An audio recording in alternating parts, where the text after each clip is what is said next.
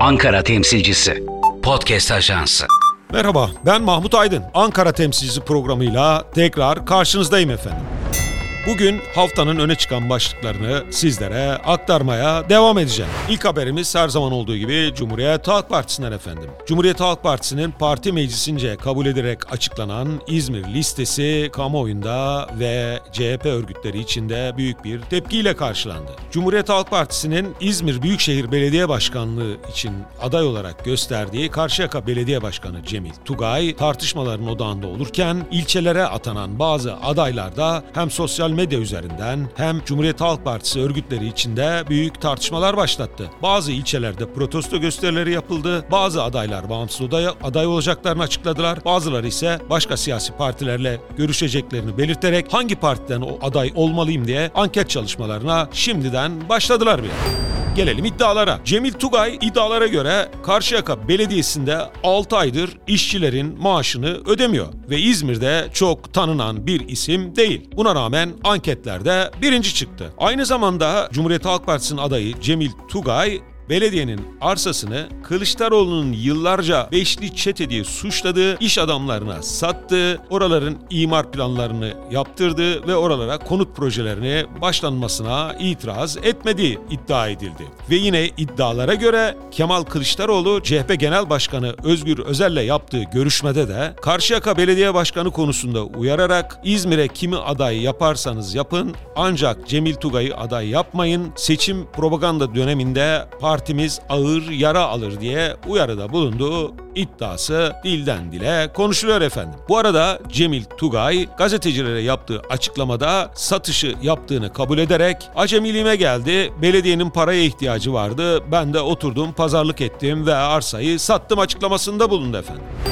Peki kriz sadece Büyükşehir Belediye Başkanı adayı açıklamasıyla mı ilgiliydi? Hayır. İlçelere açıklanan adaylarla ilgili de büyük tepkiler ortaya çıktı. Biraz önce söylediğim gibi protesto gösterileri yapıldı. Bu arada öne çıkan bazı ilçelerde Cumhuriyet Halk Partisi'nin seçimi kaybedebileceği hatta Büyükşehir Belediye Başkanlığı seçimini bu kez AK Parti'ye karşı kaybedeceği iddiaları dillendirilmeye başlandı. Bunun bir nedeni de mevcut belediye başkanı Tunç Soyer'in aday gösterilmedi biliyorsunuz anketlerde çıkmadınız denildi ve ağır bir açıklama yaparak kendisine karşı en hafif tabiriyle nezaketsizlik gösterildiğini söyledi. İddialara göre Tunç Soyer İzmir'de büyük bir anket çalışması yaptırıyor. Belediye başkanlığına aday olayım mı? Aday olacaksam hangi partiden aday olmalıyım sorularını yöneltiyor. Aslında bu biraz da ironik. Çünkü Tunç Soyer'e anketlerde sonuncu çıktınız adayı gösterilmiyoruz denmişti. Tunç Soyer de bir başka anketle Cumhuriyet Halk Partisi yönetimine adeta yanıt veriyor efendim.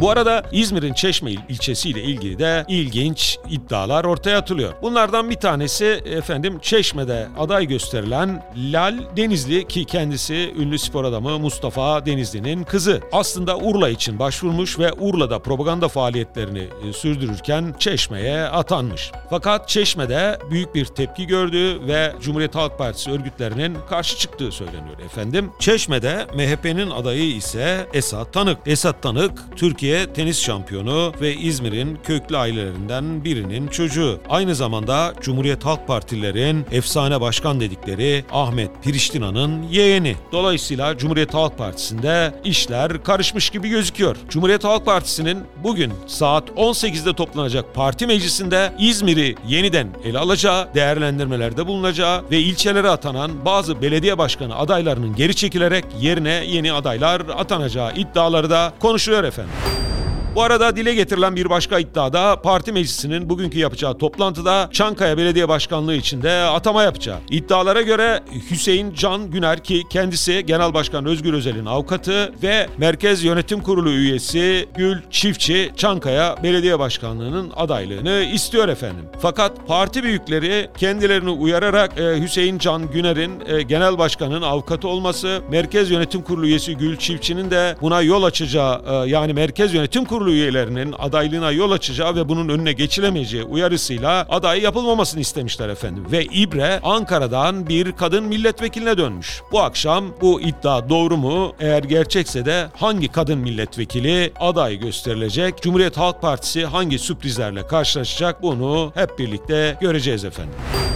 Geçelim DEM Parti'ye efendim. DEM Parti ile biliyorsunuz Cumhuriyet Halk Partisi arasında uzun zamandır bir görüşme yapıldığı ve müzakere süreci adı verilen e, görüşmeler e, yapıldığı ileri sürülmüştü. E, bu konuda bilgi veriliyordu. Yalnız Cumhuriyet Halk Partisi yöneticileri ve Genel Başkanı Özgür Özel bütün görüşmelerin şeffaf ve açık olacağını, arka kapıdan görüşme yapılmayacağını e, söylemelerine rağmen bu görüşmeleri kimlerin yaptığı, nerede yapıldığı sır gibi saklanıyor. Görüşmecilerin adı bile gazeteciler tarafından bilinmiyor. Yani bu kadar gizli yürütülüyor. Fakat kamuoyuna yansıyan bilgilere göre bu görüşmeler olumsuz sonuçlandı. DEM Parti tabanı ısrarla İstanbul başta olmak üzere Türkiye'nin her yerinde kendi adaylarıyla seçime katılmak isteğini genel merkeze ilettiler ve bu konuda baskı uyguladılar. Ankara'da toplanan il başkanları da bu konuda yani her yerde aday gösterilmesi, seçime müstakil olarak girilmesi konusundaki ısrarlarını parti yönetimine iletti efendim. Bu arada pazartesi günü yapılacak bir toplantıdan sonra DEM Parti'nin İstanbul Büyükşehir Belediye Başkanı adayı olarak Başak Demirtaş'ı açıklaması bekleniyor. İddialara göre DEM Parti Ankara'ya eski Grup Başkan Vekili Meral Daniş Beştaş, İzmir'e de eski milletvekillerinden Filiz Kerestecioğlu'nu aday olarak gösterecek efendim.